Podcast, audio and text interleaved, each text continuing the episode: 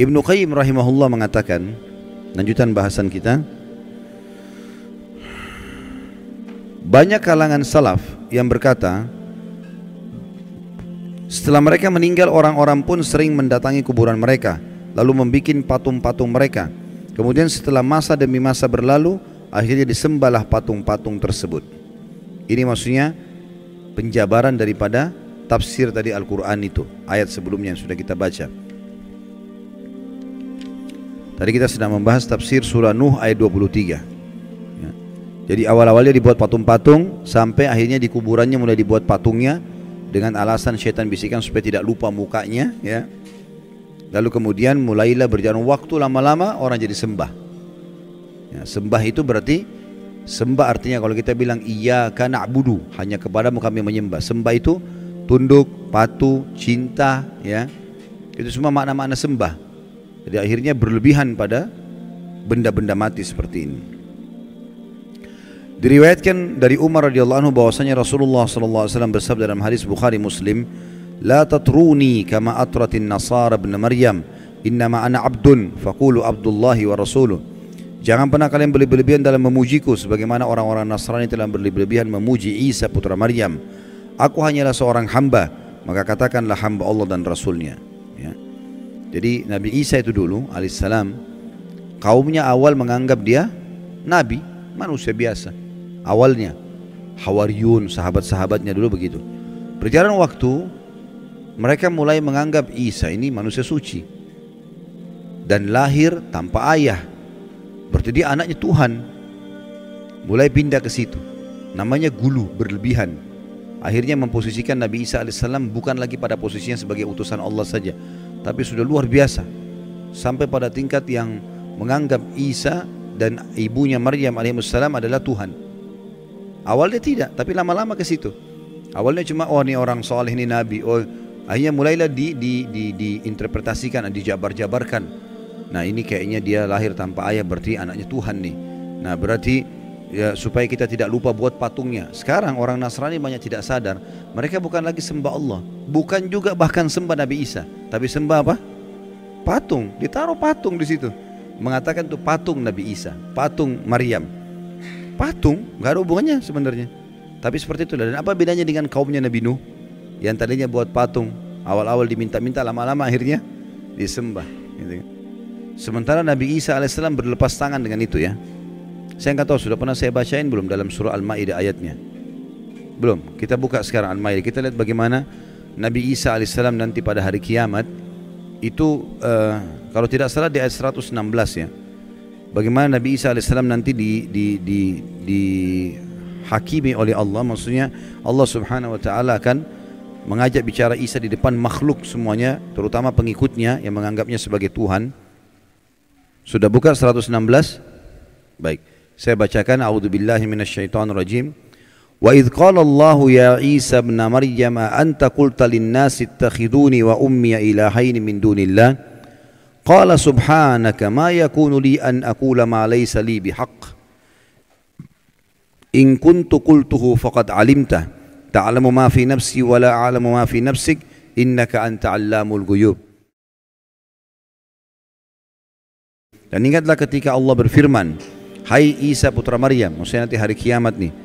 Di depan orang-orang semua, apakah engkau mengatakan kepada manusia, jadikanlah aku dan ibuku dua Tuhan selain Allah? Maksudnya ada Tuhan lain? Ya, Trinitas yang mereka bilang itu. Isa menjawab alaihissalam, Maha suci engkau, tidaklah patut bagiku mengatakan apa yang bukan hakku mengatakannya. Jika aku pernah mengatakan maka tentulah engkau mengetahui apa yang ada pada diriku dan aku tidak mengetahui apa yang ada pada diri engkau. Sesungguhnya engkau maha mengetahui perkara-perkara yang gaib. Lalu Nabi Isa mengatakan 117-nya, Ma qultu lahum illa ma amartani bihi an ibudullaha rabbi wa rabbakum wa kuntu alaihim syahidan ma dumtu fihim falamma tawaffaitani kunta antar raqiba alaihim wa anta ala kulli syai'in syahid. Aku tidak pernah mengatakan kepada mereka kecuali apa yang engkau katakan kepadaku yaitu sembahlah Allah Tuhanku dan Tuhan kalian. Ini ajaran Nabi Isa AS kepada orang-orang Nasrani. Enggak pernah dia bilang, jadikan saya sebagai anak Tuhan, jadikan ibu saya sebagai Tuhan. Dan aku menjadi saksi terhadap mereka selama aku berada di antara mereka. Maka setelah engkau wafatkan aku, engkau lah yang mengawasi mereka dan engkau adalah maha menyaksikan atas segala sesuatu. Jadi nanti pada hari kiamat pernyataan Allah Subhanahu wa taala yang akan disampaikan kepada Isa alaihi salatu wassalam. Dan Nabi SAW mengatakan, jangan pernah kalian berlebih-lebihan dalam memujiku. Sebagaimana orang-orang Nasrani telah berlebih-lebihan memuji Isa, putra Maryam. Aku hanyalah seorang hamba maka katakanlah hamba Allah dan Rasulnya ya, Abdullahi wa Rasuluh juga sabda Nabi SAW di dalam hadis riwayat Imam Ahmad, Tirmidzi, Ibnu Majah dari Ibnu Abbas radhiyallahu anhu bahwasanya Rasulullah SAW bersabda iyyakum wal gulu fa inna ma ahlaka man kana qablakumul gulu jauhilah oleh kalian sikap berlebihan karena sungguhnya sikap berlebihan itu yang telah menghancurkan umat-umat sebelum kalian jadi ini akan membinasakan karena kalau ada orang, ada dosa-dosa ada dua macam Bapak Ibu sekalian ya. Ada dosa syahwat, dosa yang diikuti dengan hawa nafsu, kayak zina, riba, ya, mencuri. Ini orang yang melakukannya tahu kalau dia salah. Semua orang tahu salah. Mukul orang, gunjing, ambil barang orang lain. Dia tahu dirinya salah. Jadi lebih mudah taubat. Tapi yang masalah dosa kedua namanya dosa syubhat. Syubhat semua dalam hidupnya. Dia pikir dirinya ibadah padahal selagi salah. Ini bahaya sekali. Orang nggak tahu masuk dalam syirik, masuk dalam bid'ah. Dia pikir dirinya ibadah padahal sebenarnya salah. Diingatkan Rasulullah tidak pernah contohkan, nggak apa-apa. Lu kok nggak apa-apa ini? Gimana caranya nggak apa-apa? Nabimu tidak pernah contohin, nggak apa-apa? Gimana? Sahabat pernah contohin, nggak apa-apa? Ini Bahaya sekali ini, resikonya besar ya.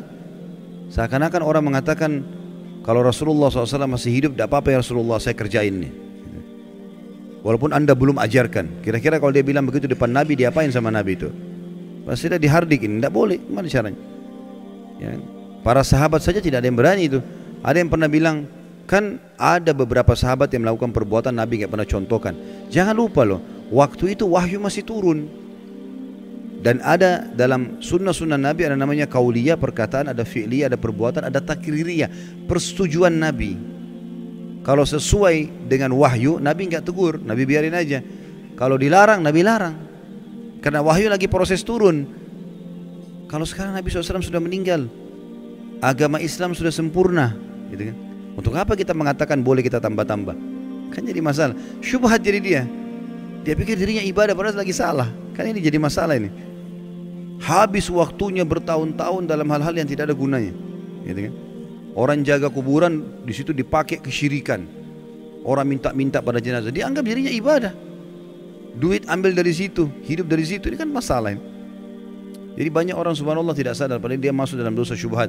Dan ini lebih bahaya karena orangnya susah taubat. Dianggap dirinya benar soalnya. ini masalah ini. Ya. Mudah-mudahan Allah selamatkan kita dari situ.